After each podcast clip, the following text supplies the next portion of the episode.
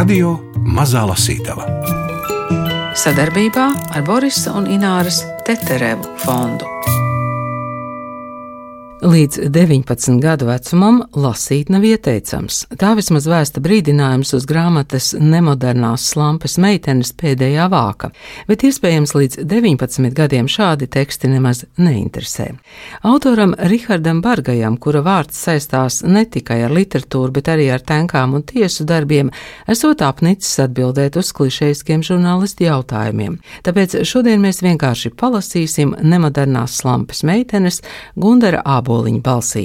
Manām nemodernajām slampes meitenēm izrādās nemaz nevajag manu sajūsmu un manu pielūgsmi. Viņas izrādās nemaz negrib būt neiederīgas un neveiksmīgas, un sabiedrības izspļautas citplanētietes ne no šīs pasaules. Mīļās manas neveiklās rasnules ar naivām brūnaļu acīm un garām dzeltenām skropstām, tās, kuras neprot iekārtoties un koķetēt, tās, kurām viss vienmēr krīt no rokām. Tādas viņas ir tikai tad, kad nekas cits neatliek, bet līdz ko apstākļi izmainās pie pirmā glājuma un izdevības, novērtē situāciju un iekļaujas, savalk mugurā visu, ko modernu, un grib būt iederīgas un veiksmīgas, tievas, gudras un ieredzētas, un saņemt atzinīgus sveicinājumus uz ielas stūriem un krustojumiem, grib draudzēties ar slavenībām un fotografēties vienmēr laimīgas, bez liela deguna un dubulta zoda. Izrādās, ka outsideriem nemaz nepatīk tādiem būt, ja vien šis outsiderisms nav stilīgs, bet viņu nemodernums neatbilst kādam īpašam modes virzienam. Negrib, nu, tā pa īstam, Es agrāk domāju, ka grib, bet izrādās tomēr, ka negrib. Negrib neviens. Neredz tajā ne skaistumu, ne labumu, ne izredzētību. Negrib būt vieninieku draudzē. Tā draudzene ir pārāk maza un nērta, un pārāk nedroša arī. Un es ar savu mīlestību varu iet ieskrieties, un viss mans nemoderno laucinieku olimps paliek vien manā sapņu pasaulē. Es saku viņām, jūs neesiet tādas revanšistas, neesiet muļķes. Tieši atriebīgums padara jūs par pāķenēm. Kas jums to vispār ir samācījis? Visu šo tirgošanos un vainīgo meklēšanu. Un viņas krata peisas, jā, jā, nekāda revanša vairs un es aizēju gulēt uz blakus istabu, un tikko ielīdis cisās, caur durvīm jau dzirdu, kā viņas vienas pašas palikušas, griež rosolu un pusbalsī apspriež, kurš kuram melojas, kurš nemazgājas un gultā smird, un kuram kas nāks atpakaļ, un istabas tumsā virs manis peld viņu šauri samiegtās acis un viņu asie skatieni, un iestieptās lūpas knapi kust, kad taisnā tiesa plēšas tam cauri. Tas ir tas, ko šī pasaule piedāvā, un viņas to pieņem un dzīvo tajā, jo tā ir pierasts un tā ir ērtāk. Saki vai nesaki, varbūt citādāk nemaz neprot. Patiesība taču ir jāatrod. Visi meklē, un viņas arī. Bet es grozos no sāna uz sānu un nevaru aizmigt. Es guļu stāvoklī, nevaru nolaist rokas klēpī un sēdēt ar nokārtu galvu, kā sēž, kad pasaule atkal liek vilties, un manas bēdas man izkrīt no acīm, nokrīt uz grīdas un vārtās pie kājām. Tagad es pats vārtos pa savām bēdām, pa šo gādīgi saklāto slampes gultu un nezinu, kuru ausi man likt uz spilvena, lai nedzirdētu to visu. Mīļās manas! Mīļās manas, ko lai ar jums dara?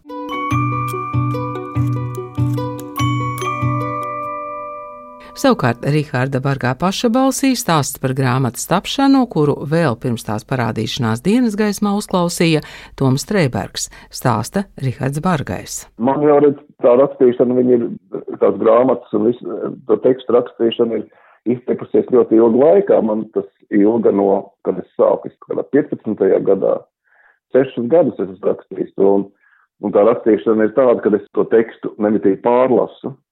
es viņu lasu cauri, es viņu pabeigtu lasīt cauri, es viņu lasu vēlreiz cauri. Un lasot cauri, es viņu visu laiku pārrakstu no jauna, es rakstu klāt to, ko es, uh, es laboju, rakstu klāt, nepierakstīju to.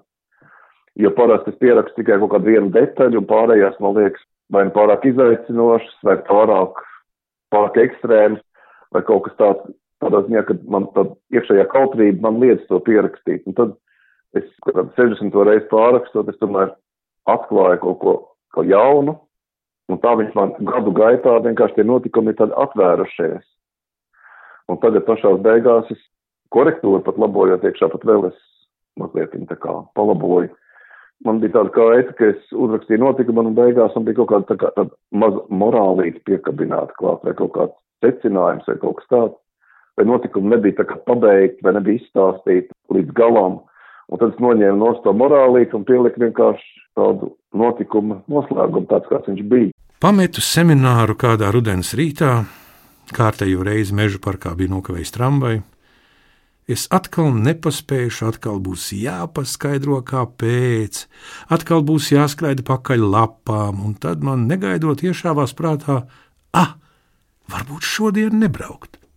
Kam sekoja reibinoša atvieglojuma sajūta, virs galvas atvērās debesis, un pār mani nogāzās tonna svaiga gaisa. A, varbūt vispār nekad vairs nebraukt. Tieši tā, nekad vairs nebraukt. Iegāju kafejnīcā, ielas pretējā pusē pasūtīju graņonu koršņabi un apsēdos pie loga. Rīts bija kluss un pelēks, vēja nebija, lietus nebija, cilvēku nebija, nekādas aktīvas saules, vien divas spožas sliedes, pa kurām aizgājis mans pēdējais tramvajs. Tas bija viens no vismierīgākajiem rītiem manā dzīvēm. It kā es ilgi būtu stāvējis pats sev blakus, tad mazliet pagriezies un atkal sevi saticis. Bija atlicis tikai pusgads līdz semināra beigšanai, bet man kaut vai atombumba. Es tad jau paralēli mācībām strādāju zoodārzā par sargu, un turpat blakus šķecinas ielā īrēju istabiņu. Zem manas gultas salocīts glabājās mūka mētelis. Mūka mētelis bija mana vienīgā relikvija. Tā patiesībā nāca no kāda priestera sievas. Priestera dēls Arsēnijas ar sprogainu atomu sēni uz galvas un jautrām acīm mācījās vienā kursā ar mani. Viņa tētis bija kritis arhibīskapa nežēlastībā, uzturēšanās atļauja netika atjaunota un ģimenei nācās atgriezties Krievijā. Pats priesteris jau bija prom, bet sieva sakot negribēja. Varbūt viņi vispār nebija precējušies, nezinu. Nu, lai vai kā, Arsenija mamma kādu vakaru uzaicināja mani ciemos, sabaroja ar sēnēm un piedāvāja stāties fiktīvā laulībā. Ķēngaraga daudzstāvenes dzīvoklis bija līdz malām piekrauts ar visādu mantību no draudzes nama, grāmatu kaudzes, svētbildes, kas tik tur nebija, un teļa izmēra doks pa virsmu. Nekādām laulībām es, protams, nepiekrītu, Tās man likās svešākas par pēcnāves dzīvi, bet tā kā priesteris sievai bija jātiek vaļā no liekā, un es biju iepaticies, viņa mani apdāvināja. Starp dāvanām trāpījās arī līdz zemē krītošais melnais mētelis, no bieza vilnas auduma gandrīz vai filca. Izrāva to no piebāztā dzīvokļa kā slimo zobu no strutainas mutes. Ar zilu sintētisku auklu pārsētais sainis bija tik smags, ka stiepjot to mājās, plaukstās iegriezās balti krusti un pirkstgali palika nejūtīgi. Atbraucis uz vilku un savicināja rokas. Uhti!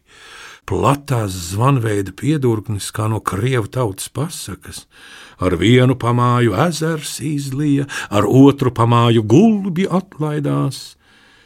Īsts mūka mētelis, speciāli iesvētīts, tādu nemaz bez atļaujas valkāt nedrīkst mana visvērtīgākā manta. Tagad, kad augsts sildamies zem tā ar armīnu, kad sabrauc ciemiņi, sadzam tos, uz tā ir gulējuši gan Anatēma, gan Sarmīte, gan mana māsiņa Ingrīdiņa, kad iestāsies kodola ziema, vilkšu to mugurā un kapā arī to var paņemt līdzi, kad nomiršu, aprociet mani tai mētelī. Reāli garīgi, reāli stilīgi.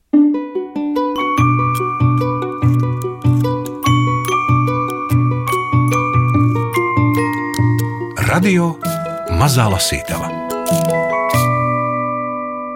Rihards Bārgais, nemodernās slampes meitenes, izdevis Aminorī. Visi cilvēki un notikumi ir izdomāti un ir tikai atspūgs deformētā apziņā.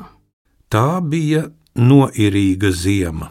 Mājiņas iekšpusē tūra satāna ar savu striptīzu meiteņu bandu klīda pa tuksnešiem un slepkavoja naivus vīriešus, bet ārpusē gar logiem snaigstījās aizdomīgi bomži, un es sāku domāt par suni. Vēlmju līmenī. Labākā pasaulē, protams, jo mums jau ir baltais, Morisejam par godu nosauktais runcis Stīvens, un Armīnam pret māju dzīvnieku ņemšanu attieksmes skarba, bet tad kādā videoklipā es ieraudzīju baltu Šveices ovčārku un Facebookā noelsos, cik ļoti man patīk blondi suņi. Bez kādiem tālākiem nolūkiem noelsos, izpaudu sajūsmu un aizmirsu. Bet Elsienas izrādījās liktenīgs. Pēc pāris dienām pienāca vēstule. Rakstīja draudzene Ievača no salkrastiem. Viņai kucīte esot piedzemdējusi, un divi kucēni esot balti, vai es gribu vienu sev ņemt. Sākumā izrunājos tā un šitā grūti atteikt, jo balts ir balts, bet uzzinājis, ka māte taksene, atskaidrojos un uzsvēru, ka man taču mājās ir Stīvens, ka dricelīgi takši nav mana mīļākā šķirne un atteicu. Nē, nu, kāds tur suns, ja ir kaķis, un kāds gan no takšas sargs? Nekāds.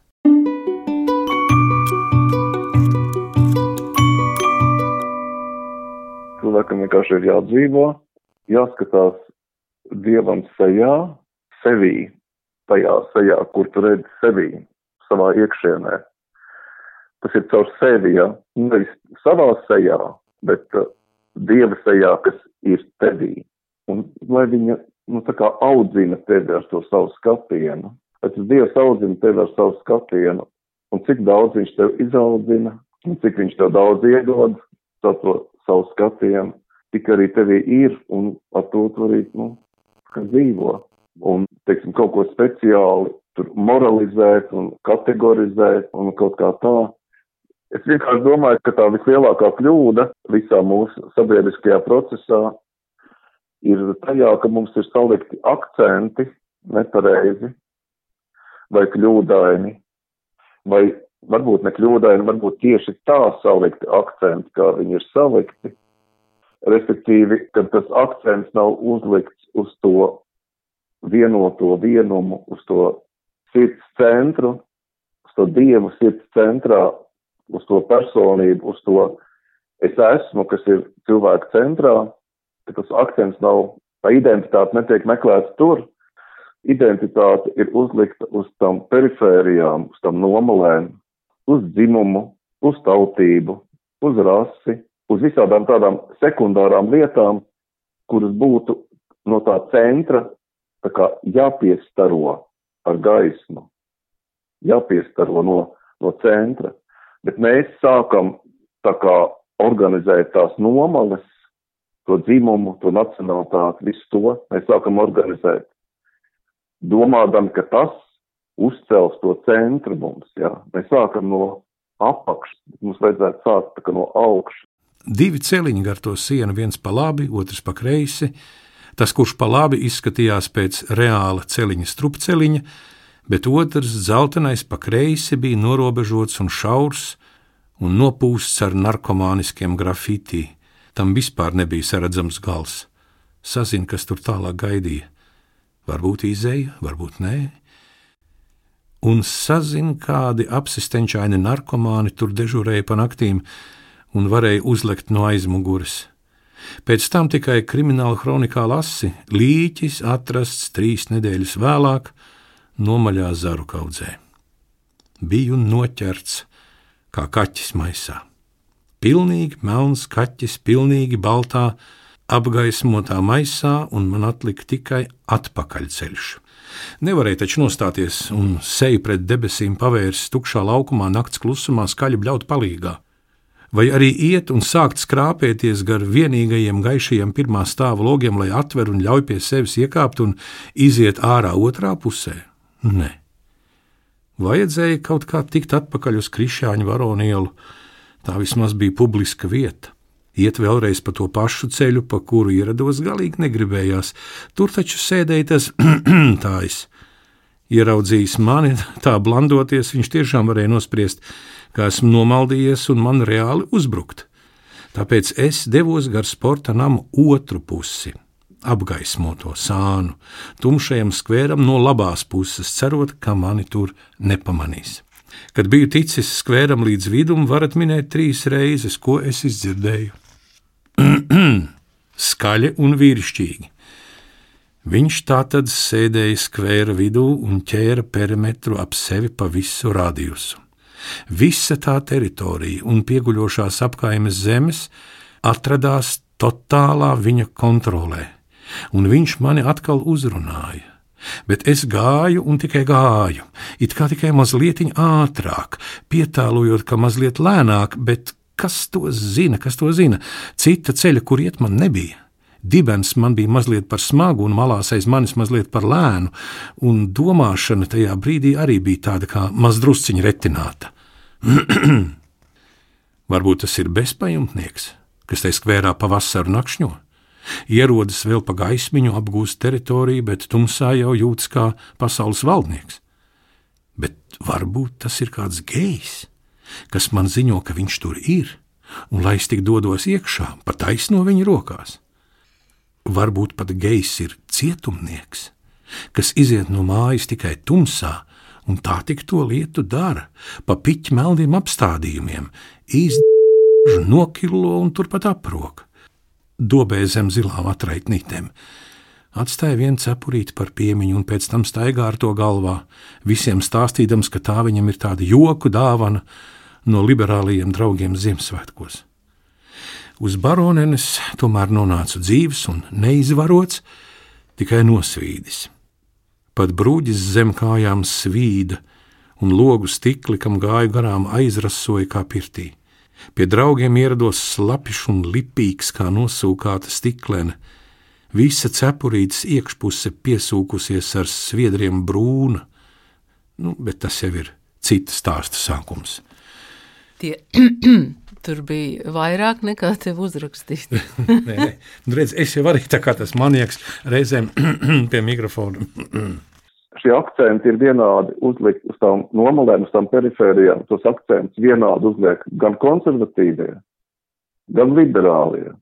Tādā ziņā abas puses ir pilnīgi vienādas. Viņas nesāk no tā centra, kas ir ārpus, kas ir ārpus dualitātes, ārpus vīrišķā un sievišķā, ārpus nacionalitātēm, ārpus visa, ja. Viņi nesāk no šī centra, ja. Viņi vienmēr sāk no nomalēm.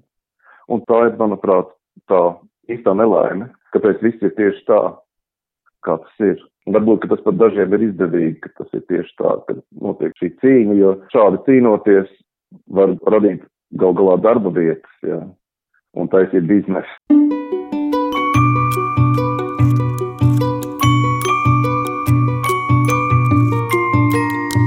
Radio Mazā Lasītava Galerija pie mūsu sienām regulāri mainās.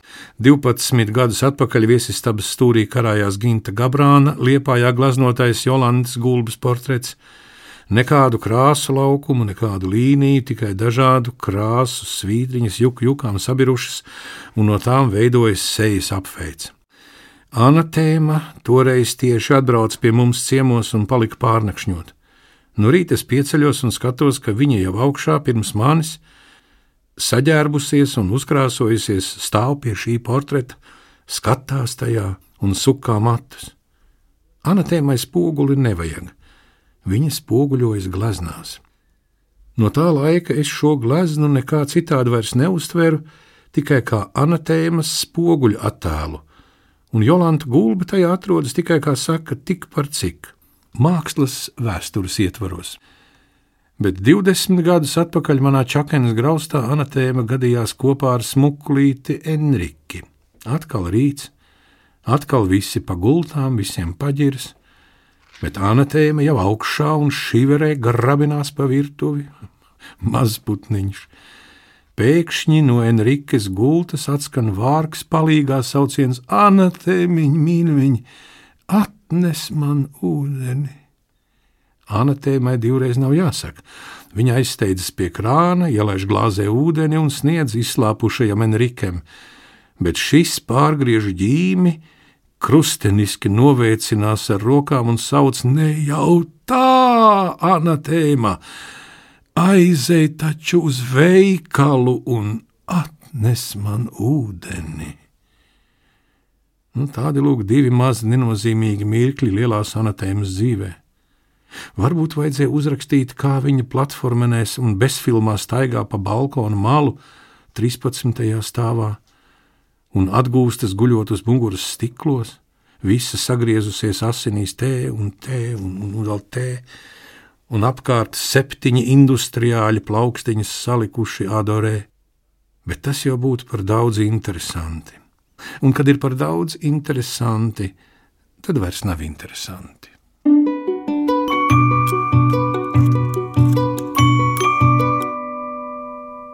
Vispār ar tiem notikumiem ir tādiem tekstiem, ka mm, man viņi vairāk ir tādi filozofiski patiesībā. Es viņus domāju vairāk tā filozofiski. Bet tā kā man nav filozofa izglītība, un es nezinu visus tos jēdzienus, un es nevaru vienmēr sākt visu sākt stāstīt no sākuma, no kaut kādām pamatlietām, tur no A, jā, jo lai cilvēkam izstāstītu par kaut kādu burtu alfabētā, kas ir kaut kur pa vidu, man ir jāsāk no A, Un man vienmēr ir jāsāk no A, un es nevaru vienmēr sākt no A, un, un tāpēc es nemaz nesāku. Es vienkārši izstāstu kaut kādu notikumu, aprakstu, salieku uzsvarus, kaut kādus lielumus, proporcijas, un tad es ļauju tai filozofijai vai tai domai runāt caur to sadzīvisko notikumu. Zini, pēdējā laikā es skatos YouTube daudz dažādas lekcijas, klausos arī dažādas reliģiskas lekcijas, kuras lasa bāķuškas priesteri, ja, kuri atbild uz jautājumiem. Un viņi runā tur nu, daudz un dažādas gudras lietas par lielām lietām un lielām un gaišām lietām un tā. Viņi ir jauki cilvēki ar laipnām sejām un tā. Tad ir tādas atsevišķas situācijas, kurās viņi sāk smieties.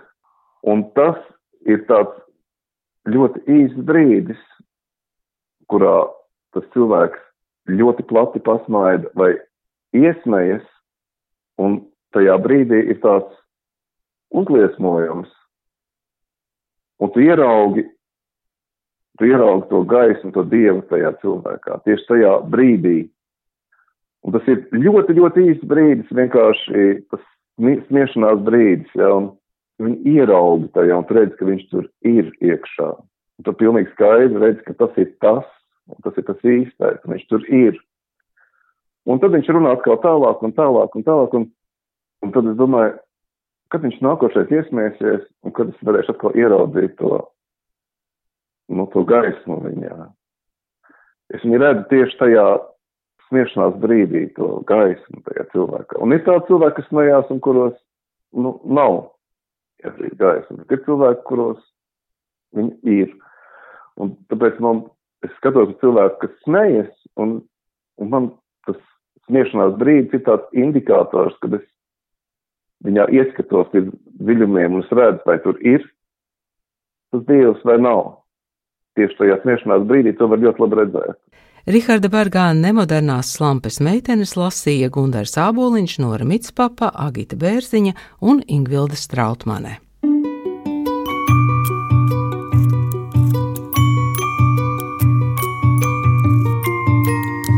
Radio Mazā Lasītava Sadarbībā ar Borisa un Ināras Teterevu fondu.